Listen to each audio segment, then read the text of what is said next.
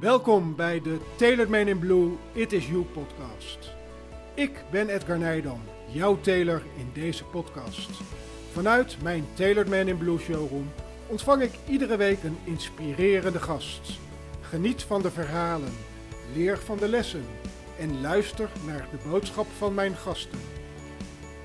De Tailored Man in Blue, It Is You. Jij hebt het talent om mensen te transformeren. Jij hebt de attitude om mensen aan te trekken. Ontwikkel een imago waarmee je mensen inspireert.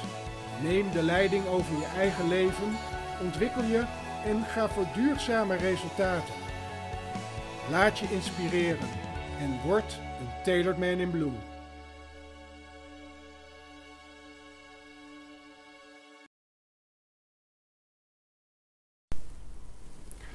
Buiten schijnt de zon en uh, hier binnen schijnt de zon ook. Want zojuist uh, is mijn twaalfde gast binnengekomen.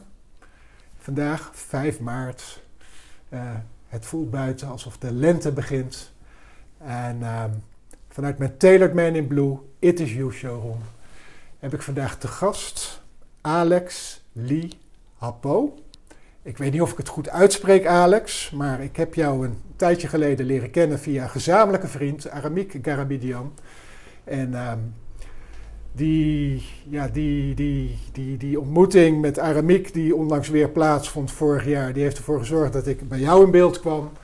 En dat ik eigenlijk uh, te gast was in jouw podcast, wat ik ontzettend gaaf vond en ook ontzettend spannend, want het is alweer een tijdje geleden. Ik stond toen aan het begin van een nieuwe reis die ik aan het maken ben.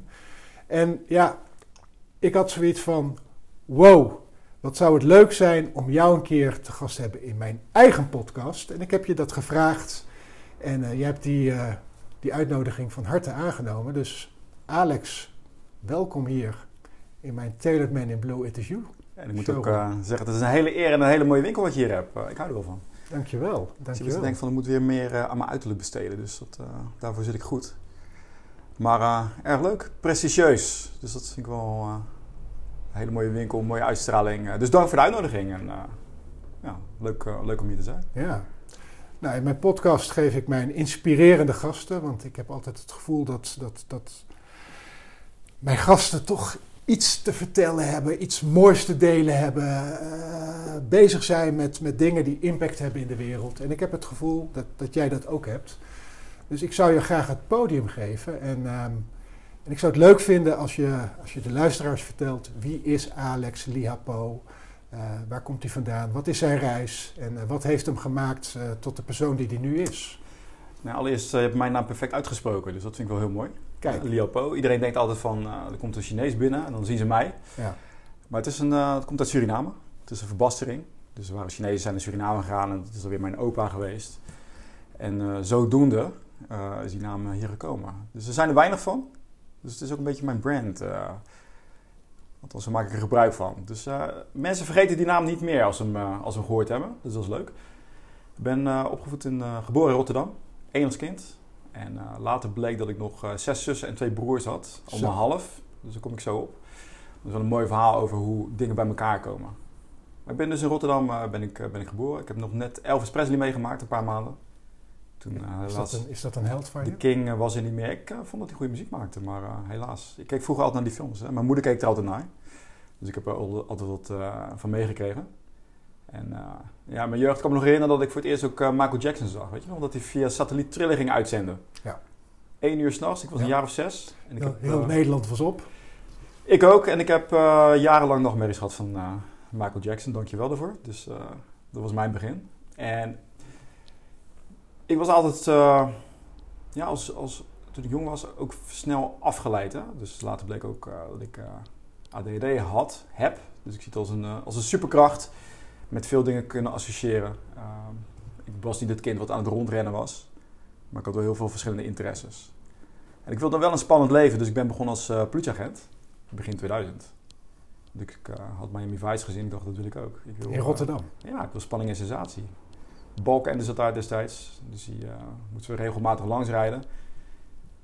Maar die ervaring heeft mij echt heel veel gevormd. Wat ik daar heb meegemaakt, dat heeft echt veel... Als je het hebt over impact maken, dat is echt een, uh, echt respect voor alle agenten. Het is echt een hele zware baan.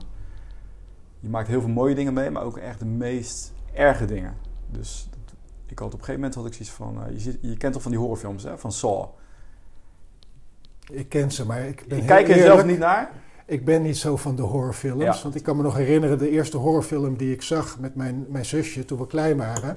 Mijn zusje die, die keek vol, vol spanning en, en, en interesse naar zo'n film. En die vond het allemaal te gek. En wie zat er achter de bank om het hoekje te kijken? Kleine Ed. Ja, dus ik ben, ik ben er niet zo van. Maar... Ja, ik, heb, ik heb het ook niet meer vroeger wel. Ik had zo'n fase als ik 14 dacht ik, weet je wat, ik ga mal uh, Hellraiser kijken en zo. Want het mocht allemaal niet. Het was uh, spannend. Maar later had ik ook zoiets van, nou, dit is dan kijken mensen naar. Maar toen ik bij de politie zat, dacht ik van het echte leven is veel erger dan wat er in die films wordt voorgesteld. Echt waar? Ja, je ziet echt mishandelingen. Er was, uh, ik heb een aantal dingen zelf meegemaakt, maar een van de meest opmerkelijke verhalen was een collega. Was in Vlaardingen. En die moesten een, uh, een persoon aanhouden. Die stond het verkeer te regelen. Dus ik kreeg ook die melding binnen, alleen ik was niet in de buurt. Achteraf uh, wel blij om. En ze hadden hem aangehouden, was gewoon een verwarde man. Dat zie je zo vaak.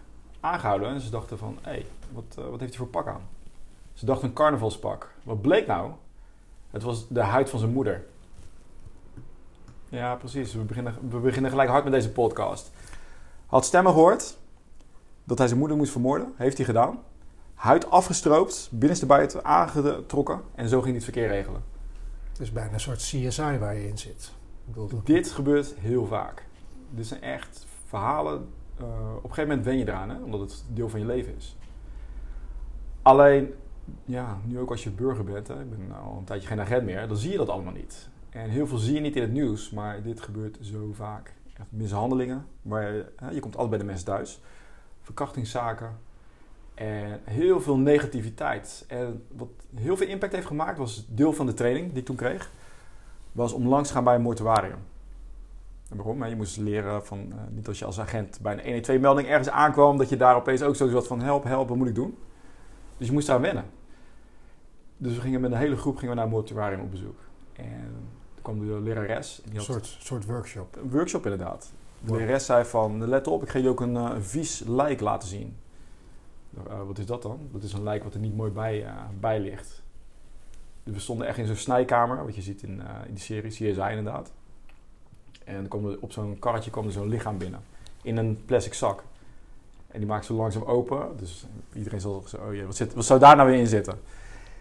En er was echt een man, ogen open, met zijn linkerhand zo naar voren. Echt alsof die had net een hartaanval gehad, maar bloed, in zijn mond, bloed aan zijn mond. En die zat daar echt verkrampt, echt zo, helemaal verstijfd. Dus ik weet nog een van die uh, collega's, die, die trok het ook niet meer, die moest weglopen. En dan sta je daar, je stond echt op deze afstand, zover stond ik dus daar vanaf. Ik dacht, wow, wat is dit? Anderhalve meter. Wel veilig, hè? Wel anderhalve meter inderdaad. Het was, nou, het was dichterbij zelfs. En die lerares die, uh, die had heel lang in het mortuarium gewerkt. Dus die had zoveel lichamen gezien. Ik, ik nog nooit, hè. Ik, was nog nooit bij een begrafenis geweest zelfs. Dus dat was mijn eerste lijk wat ik tegenkwam. En zei, uh, hey, ruik je, uh, weet je, ruik je dat? Je, hoort die, je ruikt die lijkenlucht. Ik weet niet of je daar wel eens van gehoord hebt. Nee. Maar ze nou, we ruiken niks. En wat ging zij doen? Die buik zwelt helemaal op bij een lijk. ging ze op drukken. Kijk eens, nou ruik je het wel. En zo, oh. Dus dat was wel een heftige ervaring. Ja, dat was heel heftig. Maar dat was nog uh, daaraan toe. Maar dan ging je later in een koelcel. En dat je allemaal stapelbedden met uh, mensen die geopenbaard lagen. Met, uh, met nette kleding aan, weet je wel. Dat was, die zouden begraven worden. Maar je zag alle leeftijden. En ik weet nog dat ik een, ik zag een meisje van een jaar of twintig, niet zoveel jonger dan ik. En die dacht heel vredig bij. Maar heel, ja, je ziet echt die ziel. Die ziel is gewoon weg. En dan loop je in zo'n koelcel je ziet alleen maar lichaam om je heen. En dan besef je wel van, we hebben echt weinig tijd op deze aarde. Dus dat heeft heel veel impact gemaakt op mij. Dus dat heeft, je, dat, dat heeft impact op je gehad. Dat heeft ja, je ook ja. gevormd voor, voor eigenlijk de, de jaren Zeker wel. na je, politie zijn. Alles is een perspectief. Weet je, er zijn mensen... Ik ben altijd wel positief. Mensen zeggen, je hebt het glas half vol, half leeg. Ik ben altijd wel... Het glas half vol. Uh, wat lastig is als je dit niet hebt meegemaakt. Je hoort mensen klagen. Dan moet je wel heel veel empathie hebben om dat wel serieus te nemen ik had er wel moeite mee hoor. Van, uh, dan kwam je met een heftige melding, want ik heb ook echt de zelfmoorden gezien. Dan kwam je aan, dan was de moeder helemaal overstuur, omdat het kind het zelfmoord gepleegd. In dit geval wel uh, ja, volwassen. Maar vijf minuten later kom je ergens bij een burenruzie. En die maken een ruzie omdat uh, het kindje de buurvrouw pest. En dat vinden ze dan heel erg. Dus het plaatst alles heel erg in een perspectief. Ja. Weet je, we hebben het eigenlijk heel erg goed. Ik heb er wel geleerd ook van, over wat uitstraling betekent. Want weet je wat apart was? Autoriteit. Autoriteit, inderdaad. Want er was zo'n groot verschil tussen Alex in uniform en Alex zonder uniform. Ja. Dat zou je wel mee weten. Jij zit ook mooi in pak. Hè? Wat gebeurt er als jij een, uh, een mooi pak aan hebt? Nou, als ik met mijn pak door de Albert Heijn loop, zie ik altijd mensen naar me kijken. Maar ik zie ook respect. Weet je, op het moment dat je uitstraalt wie je bent, dan is dat pak eigenlijk gewoon de manier hoe je presenteert. Maar als daar in dat pak echt iemand zit met een, een goede attitude Juist. en een goede uitstraling en een glimlach en ook, ook een stuk vriendelijkheid, positieve uitstraling, dan trek je op een of andere manier toch mensen aan. En ik denk dat dat voor een politieagent die gewoon in zijn uniform rondloopt hetzelfde is. Zelfs met vrienden en familie die ik dan tegenkwam, want ik heb veel uh, familie wonen daar in de buurt. Als zij mij zagen, gedroegen ze zich compleet anders. Het was echt zo'n muur van afstand, van, alsof ik iemand anders was. Ik zeg, oh, ik, ik ben dezelfde persoon. Dat was heel apart. En er zijn de agenten in Nederland nog vrij toegankelijk. Maar als je naar Italië of Spanje gaat, daar zijn agenten echt, ja, ik bedoel, daar heb je echt respect nog voor de politieman. Ja. Hoe zit dat in Nederland? Heb je, had jij het idee dat mensen respect voor je hadden in die tijd? Want er is natuurlijk veel veranderd uh, in de loop der jaren. Ik, uh, ik had het idee van wel. Heel veel ligt aan hoe je mensen benadert. Uh, er waren een aantal agenten die, ja, die gingen heel erg de mensen de les lezen. En daar had ik zo'n hekel aan altijd. Weet je wel, gaven ze een verkeersboete en dan gingen ze nog eens uitleggen van... Ja, dat moet u echt niet meer doen, weet je wel. Die mensen weten dat ze dat niet moeten doen. Ze zijn gepakt laat met rust. Maar die gingen echt, uh, ja, echt hun autoriteit laten gelden. En dat deed ik nooit. Ik probeerde altijd te levelen. Ik was ook heel goed in uh, de-escalatie. Uh, weet je, juist als je bij een 112-melding komt en mensen hebben bijvoorbeeld ruzie met elkaar, of er is, er is echt een vechtpartij. Ik kom dan aan en dan zie je al dat die persoon, die ziet jou aankomen, eentje van een van de daders, en die, die zit te wachten van, kom erop agent. En ik, ik zei altijd van heel bezorgd, joh, wat, wat kan ik voor je doen? En dan waren ze gelijk, hè? Je moet, toch, uh, je moet toch schelden tegen mij of wat dan ook? Of nou, niet schelden, maar wel mij te grazen nemen. Ik pakte hem altijd andersom. Uh, vanuit de, de, de, helpende kant. En dan merk je dat mensen gelijk anders reageren op je. Dus ik heb er heel veel geleerd over hoe moet je met mensen omgaan. Ook met, uh, met getuigen voor. Hè? Hoe zorg je dat mensen zich op hun gemak bij je voelen. Ja. Want het is absoluut niet wat je ziet op televisie. Al die voren. Dat is helemaal niet. Maar echt het levelen met mensen. En dat ze je gaan vertrouwen, ook in de meest intense situaties. Want daar kwam ik. Hè. Dit zijn echt de meeste, ja, echt de dieptepunten in het leven van mensen. Daar kom ik aan. Hoe zorgen dat je ze rustig krijgt? Dan is je attitude wel uh, heel belangrijk. Mega belangrijk. Ja, trek je ze aan of stoot je ze af? Ja, zeker wel. En dit, dit werd niet geleerd op de, bij de politieschool, helaas. Uh, heel veel strategieën, tactieken, maar niet hoe je echt met mensen om moet gaan.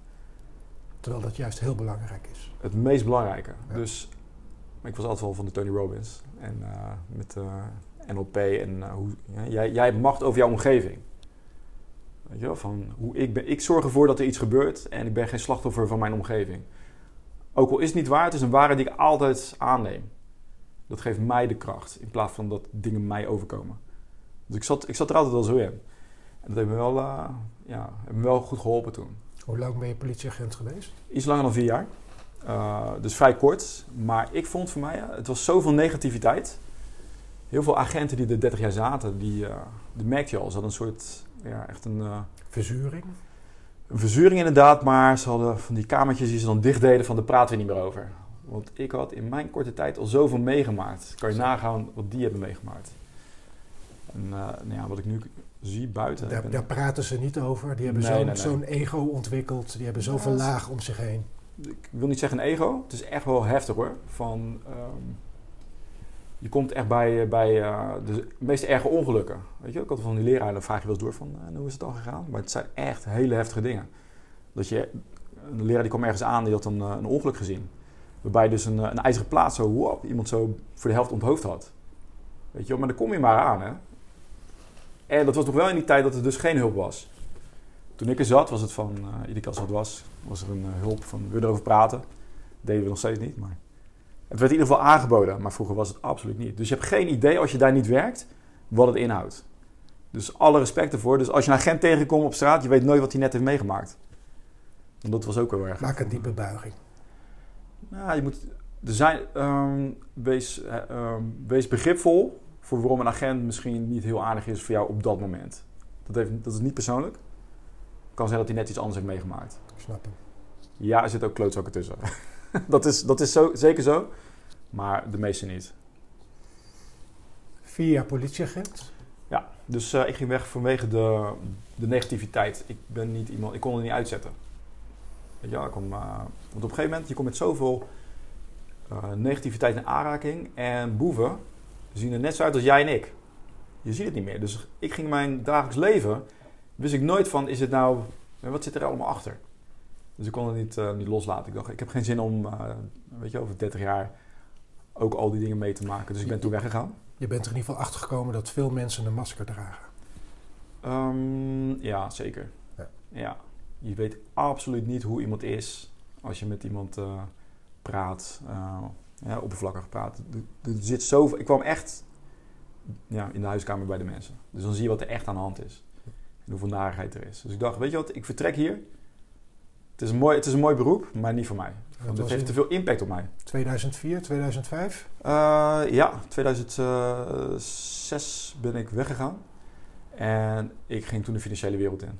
Ik had vooral een financiële opleiding, uh, ook marketing gedaan. En ik wilde weer uh, de weg in van, het, van die financiën. Dus een compleet andere wereld. Ja. En het mooie dan is ook dat, dat je mensen wordt klagen uiteraard. Hè, want dat doen mensen. Alleen mijn perspectief was zo anders.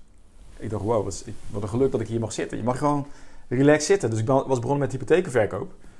Uh, en krediet, uh, kredieten verstrekken aan voornamelijk ondernemers. Voor de, voor de bankencrisis. Ja, toen kon alles nog hè. Dat was dus, dat ging allemaal heel makkelijk. Ja en nee. Ik heb daar veel geleerd over sales. Um, ik had, gelukkig had ik mee dat ik een soort dat levelen, weet je, dat, dat lukte goed.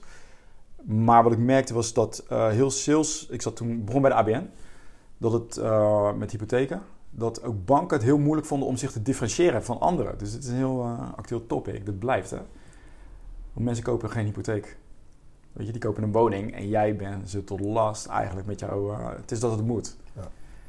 Dus dan ben ik me daar heel erg in gaan verdiepen van hoe zorg je nou dat jij jouw hypotheek kan verkopen. Anders dan dat ze bij Karel om de hoek gaan. Want er was ook geen differentiatie. Hè? Want ik had een, ik weet nog, uh, had een paar daarvoor zelf ook een woning gekocht. En er gingen allerlei hypotheekadviseurs langs. Allemaal hetzelfde verhaal. Dus ik dacht ook van ja, wat maakt nou dat ik bij de een wel ga en bij de ander niet? Dus dat vond ik fascinerend. Van, uh, hoe zit dat nou? Dus ik ben me heel erg gaan verdiepen in, hè, want ik ging ook heel de afdeling, om je um, te segmenteren. Dat mensen het vertrouwen hebben van we moeten bij deze bank wezen en niet bij Dirk Schering, gaan. Was je daar een eenling in, in die verdieping? Het, het, het zoeken naar verdieping? Of, of, zag je collega's om je heen hetzelfde doen? Uh, wat, wat onderscheidde nee, ik was, ik was, ik was wel eenling in. Hè. Ik ging altijd verder kijken. Door, uh, zeiden van, uh, ga je gang, ga maar verkopen. En ik was, oké, hoe kan het altijd, hoe kunnen we meer doen? Hoe kunnen we meer bereiken? Hoe kunnen we samenwerking aangaan? Als bank heb je een megabestand. Waarom wordt daar niets mee gedaan? we hadden het net al even over. Je hebt ook een lijst met, met vaste klanten. Hoeveel klanten denk je dat een grote bank heeft? Maar er werd niks gedaan met die leads. Hoe kan dat? Weet je wel? In plaats van, wilt u een hypotheek kopen? Daar ben ik heel erg mee bezig gegaan. Van hoe zorgen we nou dat we mensen kunnen converteren? Dat we kunnen zorgen dat ze in ieder geval bij de bank langskomen. En ik ga allerlei uh, uh, evenementen organiseren. Wijnproeverij, je kent het wel. Die komen daar, jong professionals. Die hebben een woning nodig op een gegeven moment. Dus je gaat op een andere manier je meerwaarde laten zien. En zo krijg je dan allerlei leads binnen. Dat, dat, dat vond ik juist erg leuk. De marketing die erachter zit. Dit kan je trouwens uh, op alles kopen. Dit, dit, dit, dit is geldt voor alles. Geldt voor alles, ja. Dus dat vond, dat Geven, vond waarde, ja, maar vertrouwen. Ook op, maar die contacten leggen. Niet van... Oké, persoon A heeft nu een woning nodig. Laten we nu uh, gaan hopen dat hij bij ons binnenkomt en net onze reclame ziet. Nee, je moet ze daarvoor moet je zo hebben. Uh, vooral, weet je, als je al zo'n actieve database hebt, dan kan je zoveel mee doen. Maar banken zijn heel slecht om, uh, om meerwaarde te leveren. Anders dan, we hebben een rekening voor je. Dus dat is wel heel leuk om te zien. Uh, ze maken wel reclame, maar heel algemeen. Maar echt targeten. Dus later bij de Rabobank ben ik toen gaan werken. Was, uh, die doen dat veel meer. Die zijn echt lokaal veel meer bezig. En dan kon je echt met ondernemers kon je om tafel gaan. Met, hè, want die hebben ook personeel. Ja. Hoe kunnen we ervoor zorgen dat als personeel zegt... ik wil een woning kopen... Want die komen nou vaak bij een, bij een baas. Mag ik een intentieverklaring? Toch? Hoe zorg je ervoor dat die gaat doorverwijzen naar mij? Dus op zo'n manier ga je die klantrelatie opbouwen. En dat vond ik heel gaaf. En dan uh, vooral ook de psychologie die erachter zit. Weet je, om mensen te zorgen dat ze gelijk aan jou denken. Weet je, dat je op die manier die impact maakt. Dus dat is, uh, dat is uh, de start geweest. Dus ik ben altijd wel iemand geweest die, die verder kijkt dan, dan wat er gezegd wordt. Dus ik ben er wel altijd recalcitrant in. Dus later kom ik ook wel achter van, ik ben niet zo heel employable. Ik weet niet of je die term kent. Ja, ja, ik snap hem. Ik snap hem helemaal. Ik heb dat ook. Ja. Ik, heb, ik heb vijf jaar in loondienst gewerkt en um, toen had ik het zelf wel gezien. Ik was ook niet zo employable. Ik kreeg altijd te horen, Ed, uh, je hebt ook collega's, je moet niet alles zelf doen. Niet dat ik het zelf beter wist, maar um, ja, dat, dat zit in je of dat zit niet in je, denk ik. Je kijkt gewoon, wat ik merk, wat het verschil is, ik kijk altijd naar mogelijkheden, wat er nog meer kan. En ja, er zijn beperkingen, maar mijn gedachte... Dus het is altijd wel goed om iemand om me heen te hebben die zegt van... Let op Alex, kijk even dan deze nadelen. Maar ik vind het juist leuk om te enthousiasmeren. Dus ik ga ook trainingen geven aan adviseurs. Dus ik heb ook heel veel Rabobank adviseurs getraind in heel Nederland... over hoe ze het beste advies kunnen geven. Anders dan wij zijn van de Rabobank. Maar sla je nu een stap over? Ik bedoel, je kwam in de financiële wereld, je verkocht hypotheken. Je hebt het nu over dat je veel mensen bent gaan trainen. Nee, dat was binnen de bankaire wereld. Is dat een ontwikkeling geweest Die, die, die, die je in gang hebt gezet? Ja, zeker. Um, leidinggevenden zijn altijd op zoek naar um, lokaal ondernemerschap. En ik was zo iemand die, uh, hey, laten we dit doen, laten we dat doen. Je hebt altijd een aantal mensen nodig in het bedrijf die uh, een beetje ja, de rest meetrekt. Nou, ik was die persoon. Uh, ik was er ook toen um, op een gegeven moment kwam de autoriteit financiële markten. Toen ze erachter kwamen van, hey, dat gaat helemaal niet zo goed met die adviezen met hypotheken. Er worden heel veel slechte adviezen gegeven. Ik was erbij om mee te denken van, hoe gaan we dat beter verpakken? En hoe zorgen we ervoor dat alle private bankers, die het allemaal goed bedoelen, maar ook alle hypotheekadviseurs in Nederland, dat ze een goed advies gaan geven aan mensen. En het een stukje kennis zit erin. Een stukje kennis, maar ook uh, weten wat verkoop jij nou eigenlijk. Van ja, het is, je verkoopt ze veiligheid, een woning. Maar zorg er ook voor dat je niet alleen maar kijkt naar... Oké, ik wil dat geld binnenkrijgen, ik wil die leads binnenkrijgen, ik wil die, die sale hebben. Dus op die manier om ze te inspireren, om een beter adviesgesprek te maken, dat vind, dat vind ik eigenlijk echt leuk. Dat vind ik leuker dan het verkopen zelf. Dat vond ik op een gegeven moment was het hetzelfde verhaal keer op keer op keer.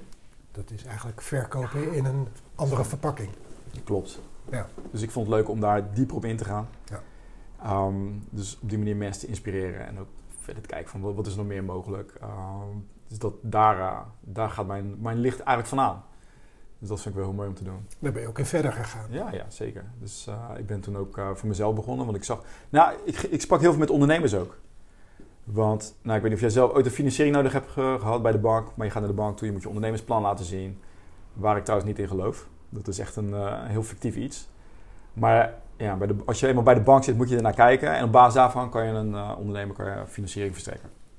Maar ik was altijd heel erg aan het doorvragen met... Oké, hoe doe je dat dan? Wat is, jouw, uh, wat is je verkoopstrategie? Dus ik was...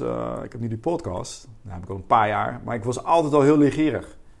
Dus ik ging altijd heel veel vragen stellen. Dus ik heb daar zoveel van geleerd ook. En dat heb ik ook weer doorvertaald naar andere ondernemers. Want ik ging ook weer die verbinding leggen met elkaar. Ik weet niet of je wel eens bij een uh, ondernemersavond bent geweest bij een bank. Dat doen ze tegenwoordig ook zeker, vaak. Zeker, bij de Rabobank ook. Nou, dat soort dingen organiseerde ik ook heel vaak. Van, uh, en ik vond het ook leuk om, om mijn uh, visie te vertellen. Want ik op een gegeven moment, ik leerde heel veel en ik kon het ook lokaal toepassen. Dus zo kan je ook, ja, alle ondernemers maak je er blij mee. Hoe beter gaat met die ondernemers, hoe beter het is voor de banken ook op een gegeven moment. Zeker.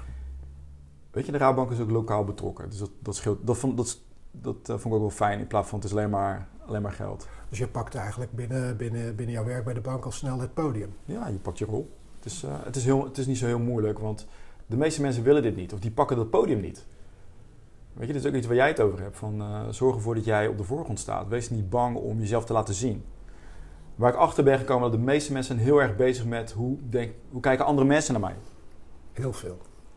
Sta ik wel in een goed daglicht en uh, oh jee, maak ik andere mensen niet boos of weet je dat?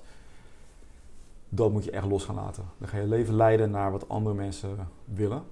Ik heb wel het geluk gehad dat ik dat veel minder in mij heb. Dus ik heb minder dat... Uh, er is een autoriteit boven mij. Oh jee, ik, ik luister naar... Hè, die zal het wel weten. Ik had dat wel tegen draadsen. Dus dat scheelt. Maar heel veel mensen zijn echt wel van... Uh, want ik ging altijd vaak met de managers praten.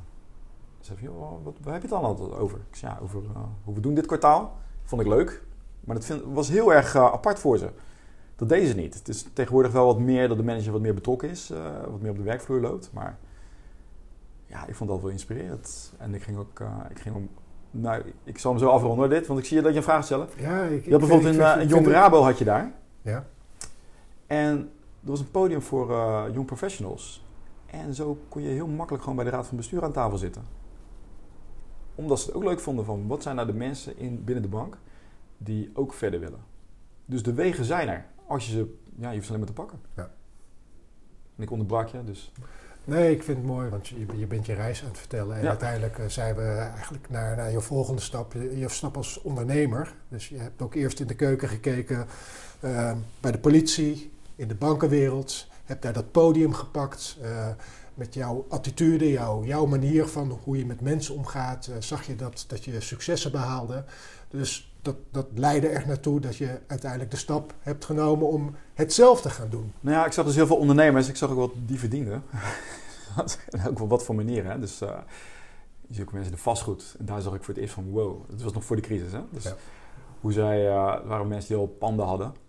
Dus ik zag van, wow, hoe, weet je, namen ze financiering op een pand voor een gedeelte, gedeelte aanbetaling. Nou, uh, ze, ze zorgden ervoor dat mensen erin gingen wonen die betaalde de hypotheek af. Dus ik zag dat ook allemaal. Dus ik heb daar eigenlijk van uh, geprofiteerd. Ik dacht, dat kan ik ook. Want ik wist nu, hè, ik weet precies hoe die financiën werken. Die kan, die snap ik. En daar leer ik dus van, wow, geld verdienen hoeft helemaal niet zo moeilijk te zijn. Eigenlijk. Dan kwam, ik weet nog dat er, een, kwam een klant. En hij was een jaar of 50. En ik, dacht, wat doe je eigenlijk? Maar hij had één bedrijfspand. Hij zegt, nee, ik heb één bedrijfspand. daar krijg ik huur voor. That's it. Hoef verder niks te doen. Ik dacht, wat zit hier nou allemaal te zoeken? Maar dat is uiteindelijk ook niet het leven wat jij wil. Want jij wil toch impact maken. Je hebt toch een missie. En, en je hebt toch Tuurlijk. tenminste, zo, zo zie ik jou. Ehm, met, met jouw podcast. Um, jij wil wel wat brengen in de wereld. Dus ik zie jou niet als een, een, een man die drie pandjes heeft, elke maand zijn huur vangt en vervolgens uh, het hele jaar door vakantie viert. Nee, natuurlijk niet. Maar het is wel leuk. Hè? Kijk, wat er, vaak, wat er vaak gebeurt is als jij stress hebt van, uh, van financiën en heel veel je ziet nu wereldwijd ook in deze crisis. Hè. Mensen zijn echt niet blij. Er wordt weinig over gesproken, maar is, mensen zijn echt niet tevreden, niet blij. Het is allemaal super onzeker. Ja. Ik heb het idee dat het erger gaat worden van het nieuwe normaal. Het wordt uh, veel meer controle. Je kan op heel veel dingen waar je vroeger vanuit kon gaan, kan je niet meer op aan. Dus er is heel veel onzekerheid. Ja. Dus het is heel fijn om een stabiel iets te hebben. Mee eens. Um, je hoeft niet altijd hongerig te zijn om een impact te maken. Dit is vaak hè, van uh, Rags to Riches story. Van ik heb geen geld, dus daardoor heb ik heel veel geld verdiend. Doordat ik, dat was mijn drijfveer. Je kan ook vanuit rust, dan ga je nog steeds allerlei dingen doen. Dus daar ben ik ook achter gekomen. Want op een gegeven moment dan krijg je, heb je financiën binnen en je hebt gewoon een inkomen waarvan je zegt van nou, hier, uh, hier ben ik in ieder geval blij mee. Ja. Maar je drive stopt niet. En dan weet je van, je doet het niet voor het geld. Maar als jij geldproblemen hebt, en ik weet dat heel veel Nederlanders nu echt geldproblemen hebben, dan is het enige waar je aan denkt, is dat probleem. Ik ben alleen maar bezig met die schulden. Ik, uh, ja, ook binnen de bank, ik kwam er ook mee in aanraking met mensen met een ton schuld. Twee ton schuld. Na een scheiding, huis verkocht in een slechte tijd. Dan blijft er opeens twee ton achter. Hoe ga je daarmee om? Dan ga je ja. vanuit angst regeren en dat is vaak niet de beste manier. Dus je bent, kijk, je, je hersenen die kijken dan vanuit angst. Ja. Uh, je bent alleen maar vanuit uh, die angst bezig. En daardoor kan je ook letterlijk minder goed nadenken. Dus je kijkt heel beperkt. Dus als ik, als ik bij jou kom en je hebt mega veel schulden en ik ga, hey, weet je wat er allemaal mogelijk is? Dan zie jij dat niet. Je bent alleen maar bezig met die schulden. Je, je, gaat, mee, uh, je gaat naar bed met die schulden. Je staat ermee op. Uh, vaak schaam je, dus je gaat het niet tegen vrienden en familie vertellen. misschien wel, wel een dierbare, maar dit is niet waar, iets waar openlijk over wordt gepraat. Klopt. Dus ook ik zag al die verhalen. Hè? Dus dan komt het weer terug. Bij de politie zag ik alle narigheid. Hoe mensen echt zijn. Dus niet de Instagram van kijk mij eens fantastisch zijn. Ik zag hoe mensen echt zijn, heel veel mensen. Bij de bank zag ik ze ook op hun meest problematische ja, tijd. Hoe zijn ze echt? Dat is zo anders van uh, hoe je in het dagelijks leven met mensen omgaat. Dus ik heb ook... Je moet heel veel rekening houden met mensen, want je weet nooit waar ze echt zitten. We hebben altijd een mooi verhaal van... Uh, heb je wel eens dat je een slechte dag hebt? Ik heb wel eens een slechte dag, natuurlijk. Maar in het verleden had ik vaak een slechte dag. En ja. tegenwoordig heb ik bijna nooit meer een slechte dag. Als jij een slechte dag hebt en je komt iemand tegen... en die denkt misschien, nou, die Edgar van een eikel. Weet je, die kennen jou niet.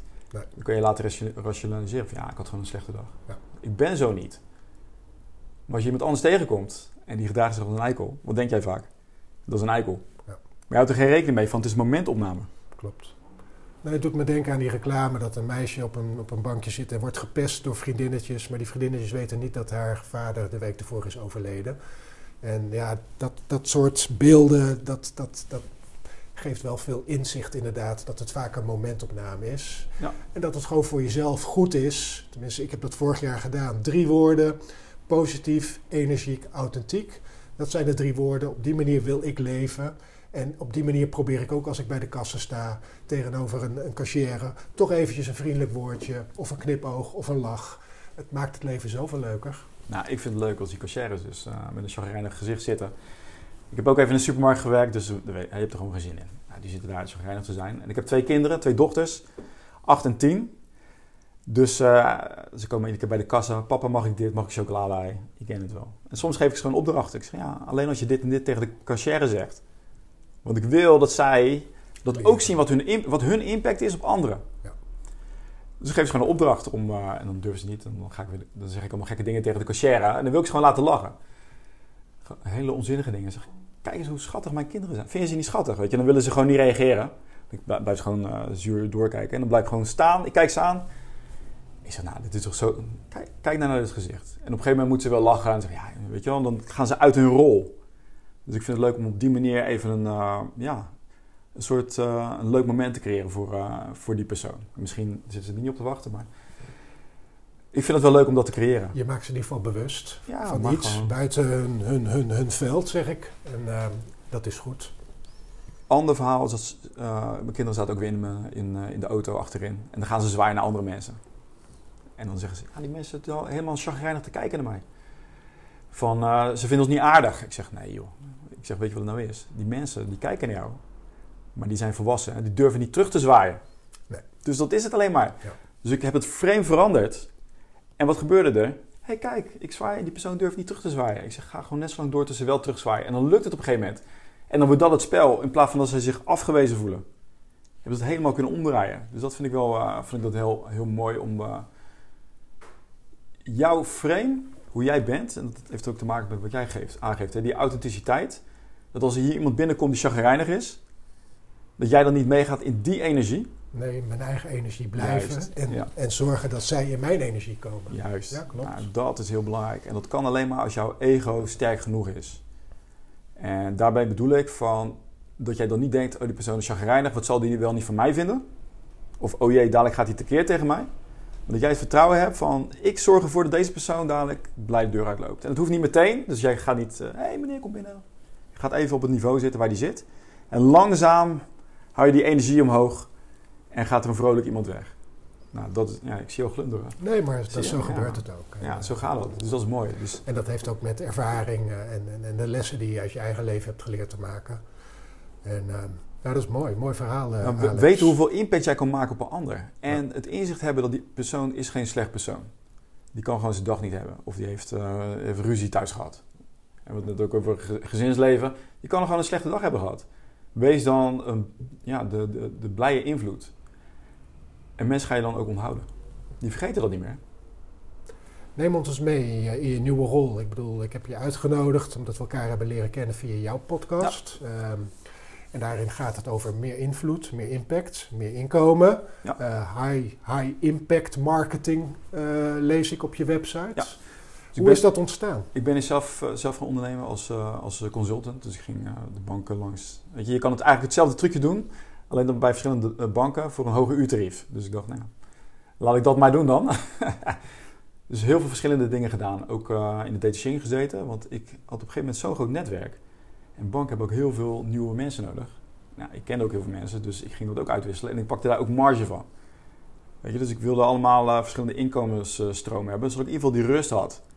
Nou, dat, dat, dat lukte. Alleen mijn nadeel is ook dat ik heel snel verveel. En wat jij, bijvoorbeeld wat jij hier creëert met een winkel, dat is voor mij echt beangstigend.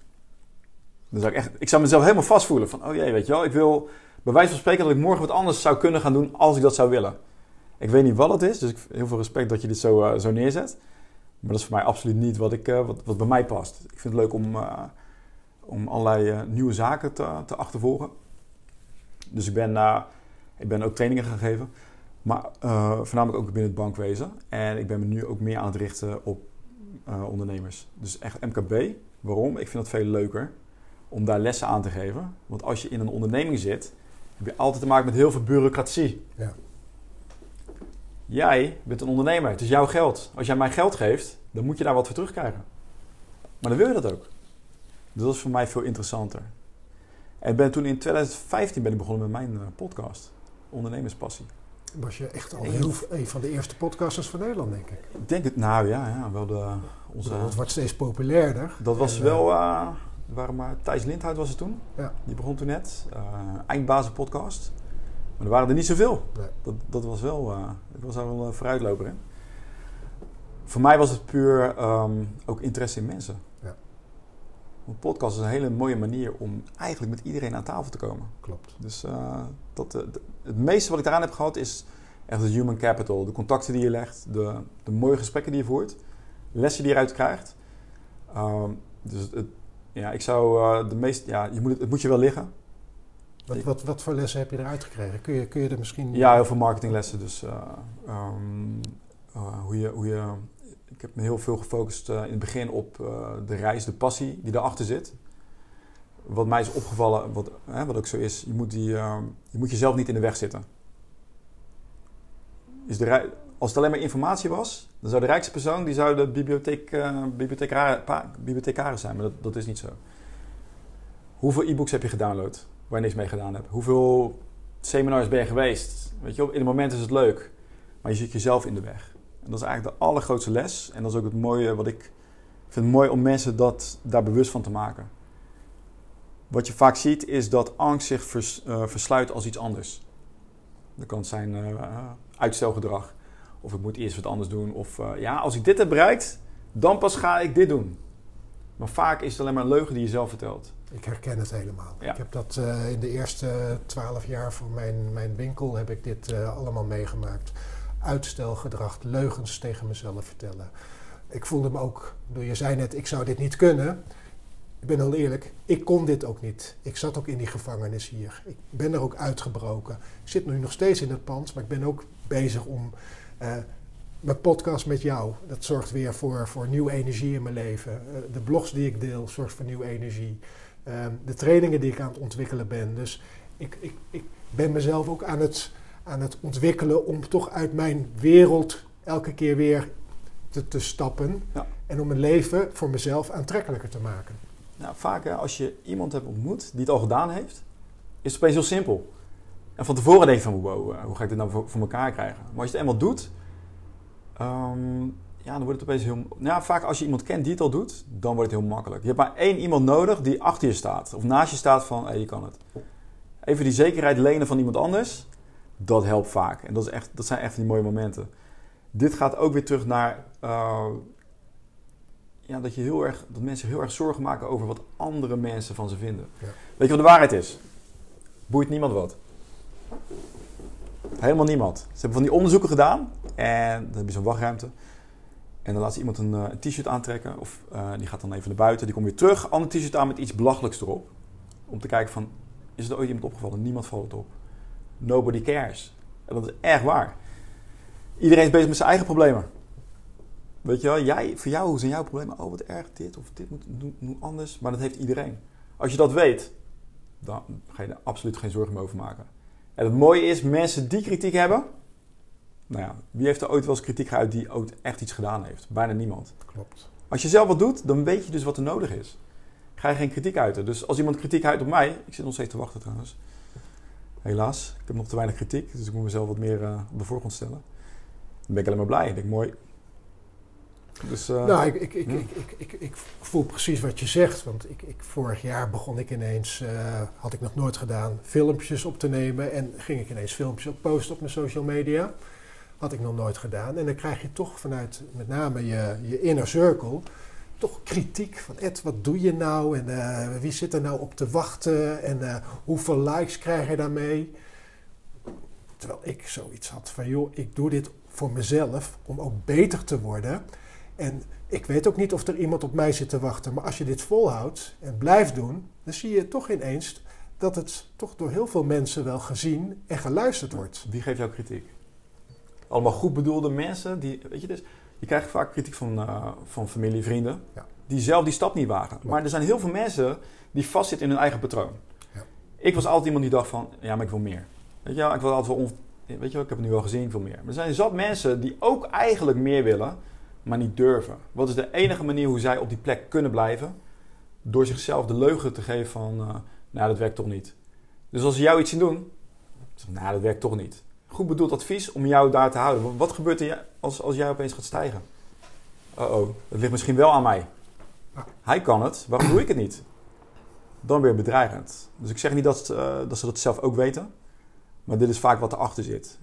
En vroeger ging ik daar vaak tegen in. Jawel, het gaat wel werken. Ging ze allemaal op zitten overtuigen, maar dat werkt niet hè. Dus nu zeg ik van ja, ja, inderdaad, je hebt wel gelijk. Nee, het werkt niet. Het is wel stom wat ik aan het doen ben. Ja, Jim Rohn zei, je kunt meer hebben dan je nu hebt, omdat je beter kunt worden dan je nu bent. En dat is een, een quote die mij in, in ieder geval uh, heel erg geïnspireerd en geraakt heeft. Want ik ben er ook achter gekomen dat het echt zo is. Ja, het is uh, dus mensen die wel meer doen, die geef jij nooit dat soort adviezen. Nee. Waar ik wel voor waak, is, um, er zit nu een stroming en dat geeft... Um, dus ik ben helemaal voor zichtbaarheid, maar om wel te waarschuwen van wees wel strategisch. Dus er zijn heel veel ondernemers die starten, die, uh, die doen iets in loondienst. En die denken van nou, dit ga ik ook uh, zelf doen. Je ziet allemaal van die managementbureaus op, uh, opstarten. Alleen dan komen ze erachter dat ze opeens heel veel marketing zelf moeten doen. En een van de stappen is inderdaad zichtbaar zijn. Maar er zit veel meer achter en dat wordt vaak vergeten. Dus ik vind het ook leuk om daarmee bezig te zijn. Om aan te geven hoe kan je strategisch te werk gaan. Een van de principes die ik ook heel mooi vind is... Ga partnerschaps aan. Dat zou je ook wel doen. Hè? Van, ja, andere mensen hebben een database met jouw klanten. Ik doe het ook met die podcast. Als ik mensen uh, uitnodig voor die podcast, dan ga ik kijken van nou, wat is jouw database? Kunnen we een deal maken met elkaar? Ja. De persoon die al iets gekocht heeft, die gaat vaak, uh, ja, die, die gaat al wat vaker wat kopen. Zeker. In, uh, ik, ik, leerde ooit van Nissan de Neta, die zei ja, in Amerika is het heel normaal dat de Ferrari-dealer samenwerkt met de Lamborghini-dealer of met, met de Porsche-dealer. Want, want als je een, een, Porsche of als je een Ferrari rijdt, wil je ook een Porsche voor je vrouw aanschaffen. Juist. Ja. En daar, daar horen nog veel meer bij. Waarom zijn we beperkt tot auto's? Waarom, uh, je, hebt, je hebt hier ook een hele mooie kledingzaak. Maar wat willen mannen nog meer? Want jij geeft die, die trainingen, die, uh, die, ga je nu aan, die bied je nu aan. Over um, um, ja, hoe je je leven het beste kan inrichten. Dat past hier perfect bij. Dat is een hele, een hele upsell-strategie. Ja. Maar die persoon die zichzelf wil verbeteren, die gaat misschien ook, uh, ik noem wel dat, sportsupplementen nodig hebben. Of een bepaalde sportschool wat hier in de buurt is. Weet je? Dus je kan, je kan een heel netwerk creëren en wat ik vaak merk is dat ondernemers die stellen zich ondergeschikt op naar hun klanten. Van, oh wat blij dat je wat, voor mij wat, bij mij wat gekocht hebt. En die gaan ze snel weer weg. Van, ik ben ermee weggekomen. Dat is een hele nederige rol. En dat, dat vond ik altijd zo apart. Je moet juist, uh, in mijn optiek dan, ben jij de, de, de expert. Jij helpt die persoon. Als jij bij de dokter komt, dan zit je daar ook van. Dokter, vertel alsjeblieft, weet je wel, vertel wat, je, wat, wat ik moet doen. Je gaat ook niet vertellen aan de dokter van ik wil graag die pil. Nou, misschien sommigen tegenwoordig wel. Maar die dokter schrijft voor. En ik denk voor ondernemers, doe dat ook. Schrijf voor. En wees niet, dit merk ik ook vaak, ja tegen alles zeggen. Of klanten over zich heen laten lopen. Ontsla klanten als ze vervelend zijn. Want het is maar een klein percentage wat gewoon irritant is. Mijn fout vroeger, wat ik deed, was dat ik dacht van... Oké, dit wordt een vervelend type. Maar dat komt wel goed. Komt nooit goed. Ik heb het zelfs nu met podcastgasten. Soms nodig ik ze uit en denk van, oh, dat wordt leuk. En dan merk ik al dat ik mailtjes krijg met bepaalde vragen. En denk van, ah, dit, wordt dit wordt problematisch. Maar het weerhoudt je niet om, om dan die podcast te cancelen? Jawel. Nee, cancel dat nu. Van, dit wordt... Uh, de energie klopt gewoon niet. Ja, vaak zijn het dan ook hele onzekere ondernemers die van tevoren alle vragen willen weten. Ja. Echt succesvolle ondernemers, die, die vragen nooit aan mij van... Hey Alex, welke vraag ga je stellen? Nooit up-and-comers, dus ik doe verschillende soorten. Ik heb echt hele ja, grote ondernemers die heel bekend zijn. Ik heb het gelezen. Je hebt echt uh, grootheden van alles, in je, podcast gehad. Maar ik vind het leuk om ook het verhaal van iedereen te horen. Ja. Het, het, is niet zo dat de, de persoon met de, de meeste, meeste publiek altijd het leukste verhaal heeft. Dat is niet zo. Maar vaak mensen die onzeker zijn, die zijn net begonnen. Die zijn kritisch, jongen. Die willen eerst een, eh, een uur met mij praten van tevoren. Voor, uh, voordat ze het interview ingaan. Ik denk, nou, dat doe, dat doe ik echt niet meer. Dus we hebben nu het interview, take it or leave it. Maar dat is puur onzekerheid. Hoe kom ik dan wel over? Ik, ik geef ze ook aan, hè? het gaat om de energie. Want ik weet niet of jij dit ook hebt, hè? Hoeveel onthoud jij van je eigen podcast? Ehm, ik, ik, onthoud van mijn eigen podcast de belangrijkste dingen. Ik heb laatst ook een blog geschreven over mijn eerste zeven podcasts, de lessen die ik eruit heb geleerd. En ik eindig mijn podcast ook vaak met uh, de vraag van... heb je nog een inspirerende quote of, of iets wat, wat, wat jou in je leven echt, echt vooruit heeft geduwd? En dat soort vragen die blijven me altijd bij. Dus echt de kern. Maar nee, ik ben helemaal met je eens. Dus, uh, dus kan je nagaan met andere podcasts. Het vervliegt ook wel weer. En ik zet af en toe toch wel weer even een, een podcast. Bijvoorbeeld mijn podcast met Arturo Massaro. Die vond ik zo mooi. Um, ja, die luister ik gewoon ja, ik heb hem denk ik al wel vijf keer geluisterd, omdat ik veel leer van wat hij mij in de podcast verteld heeft. Dus hij is ook een, een, een, trainer die de hele wereld rondgaat. En, en ja, hij, hij kwam echt bij mij echt, echt binnen. Dus ik leer ook van mijn podcast met mijn inspirerende gasten. En dat zul jij ongetwijfeld ook hebben. Ja, dus... En ik zou het ook wel leuk vinden om eventjes kort, want uh, we kunnen uren samen praten. Dat, dat, dat, voel je gewoon, maar dat gaat niet gebeuren, Alex. Uh, we moeten ons aan een bepaalde tijd houden. Maar even kort jouw podcast, um, even mijn Telewing model daarin meenemen. Ik bedoel, jouw podcast um, gaat over invloed, impact, inkomen... Um, transformatie. Ik bedoel, heb jij het idee dat je met jouw podcast um, uh, mensen transformeert? Uh, zeker inspireren, uh, transformeren. Ik krijg soms berichten erover. soms komen de podcast die mooi verhaal bij KPN. Had even mijn podcast gewoon op internet gezet. En het was toevallig een podcast over, mm, wat is wat technischer, hè? dat is meer strategisch over ondernemen. Ik vond hem zelf niet zo geslaagd. Wat bleek nou? Dat super vaak beluisterd. Dus daarin raak je mensen wel. En die berichten die ik krijg, dat vind ik wel heel gaaf. Ehm, wat ik probeer te doen, is, ik ben heel intuïtief. Dus ik heb van tevoren nooit, ik, ik lees een beetje over de, over de persoon. Maar ik ga altijd door over de details inderdaad. Van hoe heb je nou iets voor elkaar gekregen? Uh, daar wat ik merk is, uh, weet je, ik hou niet van een vraag- en antwoord gesprek. Dus ik geef ook mijn eigen inzichten erin. En daardoor wordt het veel dynamischer. En mijn gasten vinden dat ook leuk, hè? Van, oh ja, weet je, het is niet alleen maar dat ik aan het woord ben. Uh, het is back and forth. Dus ik laat ook mijn inzicht, inzichten zien aan die personen. Dus zo maak je er een leuk gesprek van. Dus het is meer alsof je aan het uh, eavesdroppen bent. Hè? Alsof je meeluistert met een gesprek tussen twee mensen die, uh, die elkaar al kennen. Ik probeer ook hè, om, het, om het leuk te houden. Uh, dat het niet zo formeel is. En ook gewoon met leuke verhalen ertussen. En op die manier van die kleine, kleine weetjes er tussendoor gooien. Van, oh ja, weet je, en dat blijft hangen. En als ik dat er voor elkaar krijg, dan ben ik al, uh, dan ben ik al blij. Maar wat ik al zei, hè, wat, ik, wat, ik, wat het voor mij doet, dat is uh, priceless. Het is echt, uh, ik zou iedereen aanraden, begin je podcast, je bent niet te laat. Nee. Ik hoor nu dat ik weer op Clubhouse moet, maar... Nee, je moet helemaal niks. Maar Clubhouse is voor mij wel een middel om ook weer gasten in mijn podcast zeg maar aan te trekken. aantrekken. Hoe te, bedoel, je zit hier als zo'n rustige relaxte man tegenover me, Alex. En uh, ik, ik, ik, ik, vang dat ook wel op, dat je hebt geleerd vanuit de rust te ondernemen. Ik, denk dat je, ondanks dat je ADHD hebt, wat je me hebt verteld, ook een hele rustige uitstraling. Uh, ik weet niet of je dat vroeger had, maar die heb je. En dat, dat is fijn, dat zorgt voor verbinding. Uh, is dat jouw manier ook om, om, om, om mensen naar je toe te trekken, die rust die je uitstraalt? Um ja, en ik heb wel een drive hoor. Dus uh, ik ben heel erg vasthoudend. Dus als jij naar mij toe komt met, uh, met een vraag, ik ben al gelijk van het. Oh ja, maar we kunnen dit doen, we kunnen dat doen, we kunnen dat doen. Weet je? Dus ik ben heel erg uh, betrokken. En wat mensen vaak missen is, is die betrokkenheid. Ik ben met uh, Aramiek had ik ook die podcast. Nou, dat ging ook, uh, er waren twee ADD's uh, tegenover elkaar. Hoog in energie. Ja, ja, dus ik zei van, ik heb een aantal koffie gedronken om, om me bij te houden. Maar heel veel mensen zetten zichzelf uit. Dat heeft ook weer te maken met, ik wil niet op de voorgrond staan. Dus dan krijg je allerlei, weet je, dat is allemaal van laag, laagdrempeliger. Maar ik kan met een paar, ik kan ook heel snel zien wat de mogelijkheid is die iemand niet ziet. En uiteraard is het veel makkelijker om het bij een ander te zien. Ik ben gelijk mogelijkheden. Ah, dit kan, dit kan, dit kan. En dit, dit vinden ze heel leuk. Weet je, ik doe niet op een van dit moet je doen, maar wel op een uh, heb je hier aan gedacht. Dit is ook leuk.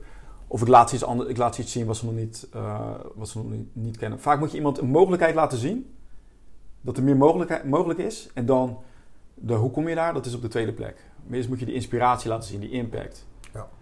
impact kan je op heel laag niveau al maken door gewoon leuk te zijn naar klanten toe. Weet je, om daar het verschil in te maken. Niet alleen maar je product leveren. Doe het op.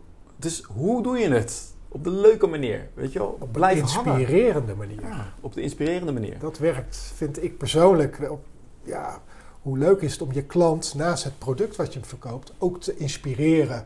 En hem toch enigszins uh, een, een, nieuw bewustzijn mee te geven dat het ook anders kan. En, en dat er een weg is naar verandering uh, door dingen anders te doen en oude patronen los te laten, nieuwe patronen te omarmen. Juist. Ja, dat, dat, is, dat is leuk. Ja. Ik zit nu te kijken naar horeca. Van, uh, het gaat heel slecht met de horeca.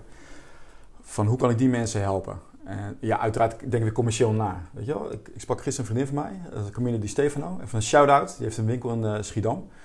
En uh, die is ook heel creatief. Maar die moest ook vanuit haar... Uh, ze heeft een restaurant dan. Maar die ging eten bezorgen, maar die had een tuk-tuk gekocht. Maar dan maakte een hels kabaal daar zo. Alleen dat werd haar ding, haar brand. Ja. Weet je, maar zij is heel de tijd bezig om nieuwe concepten te ontwikkelen. Maar dat soort dingen vind ik echt gaaf. en hoe kan je dat transformeren naar uh, andere restaurants bijvoorbeeld? Die stilzitten van, oh jee, we moeten hier wachten, want er is een lockdown. Verschrikkelijk, wat kunnen we doen? Mensen gaan vaak in angst uh, zitten. En die maken zichzelf ook wijs van, als ik stil zit, komt het wel, vanzelf wel goed. Ja, maar dat is niet het geval. We zitten nu in een tijd, het komt niet meer goed. En dat wil ik wel mensen niet op het hart drukken. Ik heb, ik heb die ervaring gehad dat ik bij de politie heb gezeten. Dit zou... Ik, ik heb het wel eens eerder gehoord van... Uh, iemand zei van ga naar een uh, begrafenis toe of iets. Weet je wel, dan zie je het wel. Maar ik liep echt door die koelcel met allemaal lichamen. En ik zag ook een... Uh, ja, ook het lichaam van een... Van een nee, was het, de casket van een baby zelfs. Weet je oh ja, dat gebeurt ook. Maar je ziet al die lichamen liggen. En je ziet al van, het gaat zo snel voorbij. Dat heeft zoveel impact gemaakt. Maak er een feest van. Ja, maar het komt ook van, van rust. Van waar maak je druk om? Waar maken mensen zich druk om? Allerlei relatieproblemen, dat soort onzin. Ik weet het, is, het is wel echt, hè? relatieproblemen zijn echt. Maar let op, zet ze in een perspectief. Het leven is echt heel kort. Ik denk dat dat mensen uh, zich toch niet uh, bezighouden met persoonlijke ontwikkeling. Wat ik zie als een uitnodiging voor een feestje. Maar veel mensen slaan hem af. En ik denk op het moment dat je toch met jezelf aan de slag gaat, dat je blik veel ruimer wordt. En, en, en dat je ook anders in het leven gaat staan. En ja, zorgen maken. Ik maak me überhaupt nooit meer zorgen. Want ik heb geleerd dat ja, je kunt je wel zorgen maken, maar 95% van de zorgen die ik me in mijn leven zou hebben gemaakt, die, komen, die zijn nooit uitgekomen. Mark Twain. Dus, dus waarom zorgen maken over slechts 5%? Ja. Dat heeft geen enkele zin. Ja, het is wel wat erbij komt. Hè, over, uh, vroeger moest ik leren van wat is, wat is zekerheid versus onzekerheid. Hè? Van, uh, je moet zekerheid hebben. Uh, vertrouwen hebben in jezelf. En dit bleef altijd wel hangen van vertrouwen is niet van oké, je gaat een nieuwe, je bent nu ook bezig met een nieuw bedrijf, een nieuwe tak van oh, het gaat werken 100%. Vertrouwen in jezelf is als het misgaat, dat jij er bovenop komt, dat je een nieuwe weg vindt. Dat is vertrouwen hebben in jezelf. En toen ik die hoorde, toen dacht ik, ah ja, want ik was vroeger ook wel eens gefrustreerd van oké, dit idee moet lukken. Nee, dit is een van de vele ideeën en ik ben een energiebron die heel veel ideeën uitspuit en eentje gaat werken. Als dit niet werkt, een beetje Bruce Lee, weet je wel, of de intercepting fist ben ook wel een martial artist. Um, weet je als ik jou een stoot geef, je blokt hem, ik kom gewoon met een andere. En dan weer met een andere, met een andere. En op een gegeven moment kom ik er doorheen. En dat is hoe ondernemen gaat. Je gaat niet opgeven. Is ook, uh, die Rocky vind, vind, ik ook altijd wel mooi. Je verliest pas als je niet meer opstaat. Dat is zelfvertrouwen. Ja. Als je opgeeft, dan ben je eraan. Maar dat is, dat is het einde van de rit. Het is vallen en opstaan. En vallen en opstaan. Je valt je weg naar succes, vind ik. Uh, hoe meer fouten. Ik, ik heb mijn vader die zei wel eens: Ed, hoeveel fouten moet je nog maken? Ik zeg: Pap, ik hoop er nog heel veel te maken, want elke keer word ik ook weer wat beter. En met dat inzicht denk ik dat je als mens en als ondernemer kunt groeien. Ehm, hoe ontwikkel jij je op dit moment, uh, Alex? Uh, volg jij zelf trainingen? kijk jij naar YouTube-filmpjes? Heb je mensen die jou inspireren? Ik ben, uh, ik ben constant bezig met podcast luisteren. vroeger veel boeken lezen, maar nu doe ik audiobooks constant bezig met zelfontwikkeling, met uh, habit creation. Um, zorg dat je gewoontes inbouwt. Uh, slaap regelmatig. Altijd sporten. In deze tijd proberen we altijd naar buiten gaan. Minimaal een uur wandelen. Altijd trainen. Weet je wel, ik kon ook op een gegeven moment niet meer naar de sportschool. Nou, dan doe ik het op een andere manier. Ja. Maar zorg dat je brein goed is. Zorg dat je, je lichaam moet, je moet trainen. Weet je, als een stappenteller alleen, zie ik ook wel eens voorbij komen, is niet genoeg. Je moet echt een goede conditie hebben. En niet, niet het minimale door die discipline op te bouwen, dat transformeert zich ook naar andere zaken. Dus dat is waar ik heel erg mee bezig ben. En constant, ik ben alleen maar, heel de dag door, heb ik oordopjes in mijn, hoofd, in mijn oren. Alleen maar het leren. Ieder moment, dat is misschien mijn ADD-kant. Als ik de afwas doe, ben ik aan het luisteren naar informatie. Ja, ik herken dat. Constant naar strategieën, want het is ook zo gaaf. En die probeer ik nog gelijk te delen. Dus ik ben nu ook weer bezig om uh, online trainingen te maken. Ik ben nu uh, voornamelijk bezig met affiliate marketing, dus dat ik uh, andermans producten verkoop. Ben ook om zelf trainingen te maken. Uh, dat vind ik hartstikke leuk om dat, om dat te doen. Op een leuke manier. Want ik vind heel veel trainingen vind ik heel saai.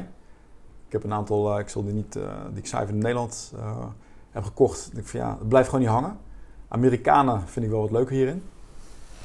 Ik dus, heb uh, ook uh, Ted McGrath en uh, Brandon Burchard vorig jaar aangeschaft. Ben ja, gewoon, Brandon is, vind ik wel een van de best hoor. Full Monty ingegaan en dat heeft mij echt enorm vooruit geduwd. Ja. ja. Ted McGrath heb ik nog niet gezien. Is voor mij een spreker, is dat hè? hij is spreker, maar ook zijn online trainingen zijn geweldig. Zijn Message to Millions programma is echt briljant. Oké. En ehm, ja, voor mij heel waardevol geweest in, in, in mijn ontwikkeling en in, in, mijn eigen brandstory die ik ontwikkeld heb. Dat heb ik van hem geleerd. En ik, het is mooi dat ik dat nu geleerd heb en, en die ontwikkeling uh, straks aan andere mensen kan doorgeven. Ja. En ja, dat is gewoon waardevol. Dat is fantastisch. Zorg dat je een groep om je heen hebt. Ja.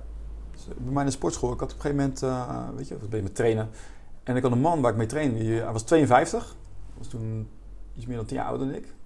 Maar door hem ben ik zo erg gegroeid. Want hij, hij gaf niet op, hij ging gewoon door met, met hard trainen. Ik dacht van, weet je wel, dan, hij neemt je mee naar een hoger niveau. En vaak is het, als je al alleen maar om zo iemand heen bent, dan help jou dat al. Ja. Maar investeer in jezelf en ga niet de hele tijd op de kosten zitten. Dat is ook echt een probleem. Je moet kijken wat krijg je ervoor terug. Dat is echt investeren. Dat is, uh, ja, Rich Dad Poor Dad, die begint er ook al over. Het is echt zo. Kijk wat het je oplevert. Als je alleen maar aan die kostenkant gaat zitten, dat is een race naar de bodem. Als je op prijs gaat zitten, dat je de hele tijd uh, met je prijs omlaag gaat, race naar de bodem. En dat is wat mooi, daar wil ik eigenlijk een beetje mee afronden. Duurzame relaties, duurzame resultaten. Ik denk dat jij met je podcast zulke waardevolle relaties hebt opgebouwd. Zeker. Ja. Um, maar dat je ook, ook op een gegeven moment ziet dat door eigenlijk de verbinding en het gesprek met mensen aan te gaan en, en die verdieping in te gaan, dat er ook gewoon mooie duurzame resultaten ontstaan dit, nou, weet je, het, het gaat door. Als ik iemand uh, kan op positieve manier kan beïnvloeden, die doet het weer bij iemand anders. Dat butterfly effect. Die doet het weer met iemand anders, weet je. En zo, zo krijg je zo'n beweging op gang. En ik vind nu, uh, ik mis in Nederland vind ik een leiderschap. Uh, die positieve boodschap moet erin komen. Maar niet alleen maar van, hey, het komt allemaal wel goed. Maar geef ook strategieën door hoe het goed komt. Ja. Tastbaarheid van ja, hoe. ik, vind, ik vind bijvoorbeeld marketing. Ik, ik, kijk altijd naar de marketing ook van, van een eeuw geleden. Ken je direct response marketing? Dat is voor gehoord? Nee. Vroeger moesten ze een brief sturen naar heel veel mensen. Een persoon moest je brief openen, lezen, een check schrijven en dan naar de briefbus lopen om die op de bus te doen. En zo verkochten zij dingen. Nou, hoe bedoel je? Dat is de meest moeilijke manier hoe je iets moet verkopen. Dat zijn de mensen die het weten. En nu met internet, we maken onszelf er zo makkelijk vanaf. Hè?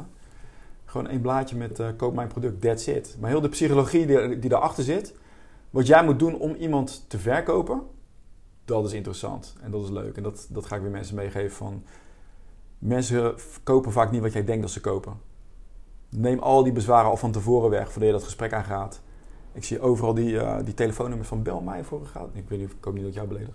Maar bel mij voor een gratis advies. Gratis adviesgesprek van een uur. Ja, het enige wat je dan zegt is van ja, ik, ben, uh, ik heb het niet zo heel druk. Bel mij maar, weet je wel. Maar zorg dat jij je waarde eerst laat zien. En ga zelf ook kijken, wil ik wel met die persoon in gesprek... voordat je in gesprek gaat met zo'n persoon. Mooi. Dit, dus uh, dit zijn van de, de grootste tips. Mooie les. Mooie les, nog, Alex. Er zijn er nog veel meer, maar... Wauw. AlexLeopold.nl Ik eindig vaak uh, met, met de volgende vraag. Alex, heb jij nog een, een quote, een boodschap aan, aan de luisteraars die, die, die, die je cadeau wil geven? Zorg ervoor dat jouw frame sterker is dan van andere mensen. daarmee wil ik zeggen dat jouw energie die jij uitstraalt zo sterk is dat andere mensen niet anders kunnen dan meegaan in jouw energie. En focus je daarop. Dat kan met visualisatietechnieken, maar oefen daarop, ook als je in de winkel bent en je spreekt mensen niet eens. Maar je kan het al bij jezelf oefenen. En kijk of jij met jouw energie al mensen kan beïnvloeden. Want ze voelen, voelen het. Hè? Wij voelen dat. En kijk of je die glimlach uh, bij anderen kan krijgen. Dan ben jij een soort lopende energiebom. Dat vind ik een van de mooiste een lopende energiebom. Ja. Dat is mooi om mee af te sluiten, Alex. Ik bedoel, uh, ik denk dat veel mensen erbij stil, niet bij stilstaan dat ze zichzelf kunnen trainen, ontwikkelen, voeden met, met positivisme om een lopende energiebom te worden. Nog een metafoor, hè? Ken je The Rock? Ja, Acteur? The Rock, ja, dat is, Mega charismatisch, toch? Zeker. dus dan denk je van, oh, die was altijd al zo. Ik zag een interview van hem toen hij net begonnen was. Die man was introvert, super stil, keek naar beneden. Ik dacht, wow, dus ik, ken, ik, ik, herken hem helemaal niet meer. Hij heeft zichzelf ook getransformeerd tot de persoon die hij nu is. Ja. Hij was helemaal niet zo. En nu zie je met zijn big smile, de meest eh, charismatische Hollywood acteurs. Dit is de trainer. Er zijn er een aantal die, die worden zo geboren, maar heel veel echt niet. Kortom, je kunt altijd een betere versie van jezelf worden door aan jezelf te gaan werken. Ja, en ik wil hem, ik wil hem, anders, ik wil hem toch anders zeggen. Van de, de verbetering wil altijd beter worden. Ik wil hem anders zeggen. Ik wil hem zeggen van je bent het al, alleen je ziet het niet. Dus haal die, laag, haal die laag weg. Die is heel mooi. Dankjewel man voor dit fantastische gesprek en voor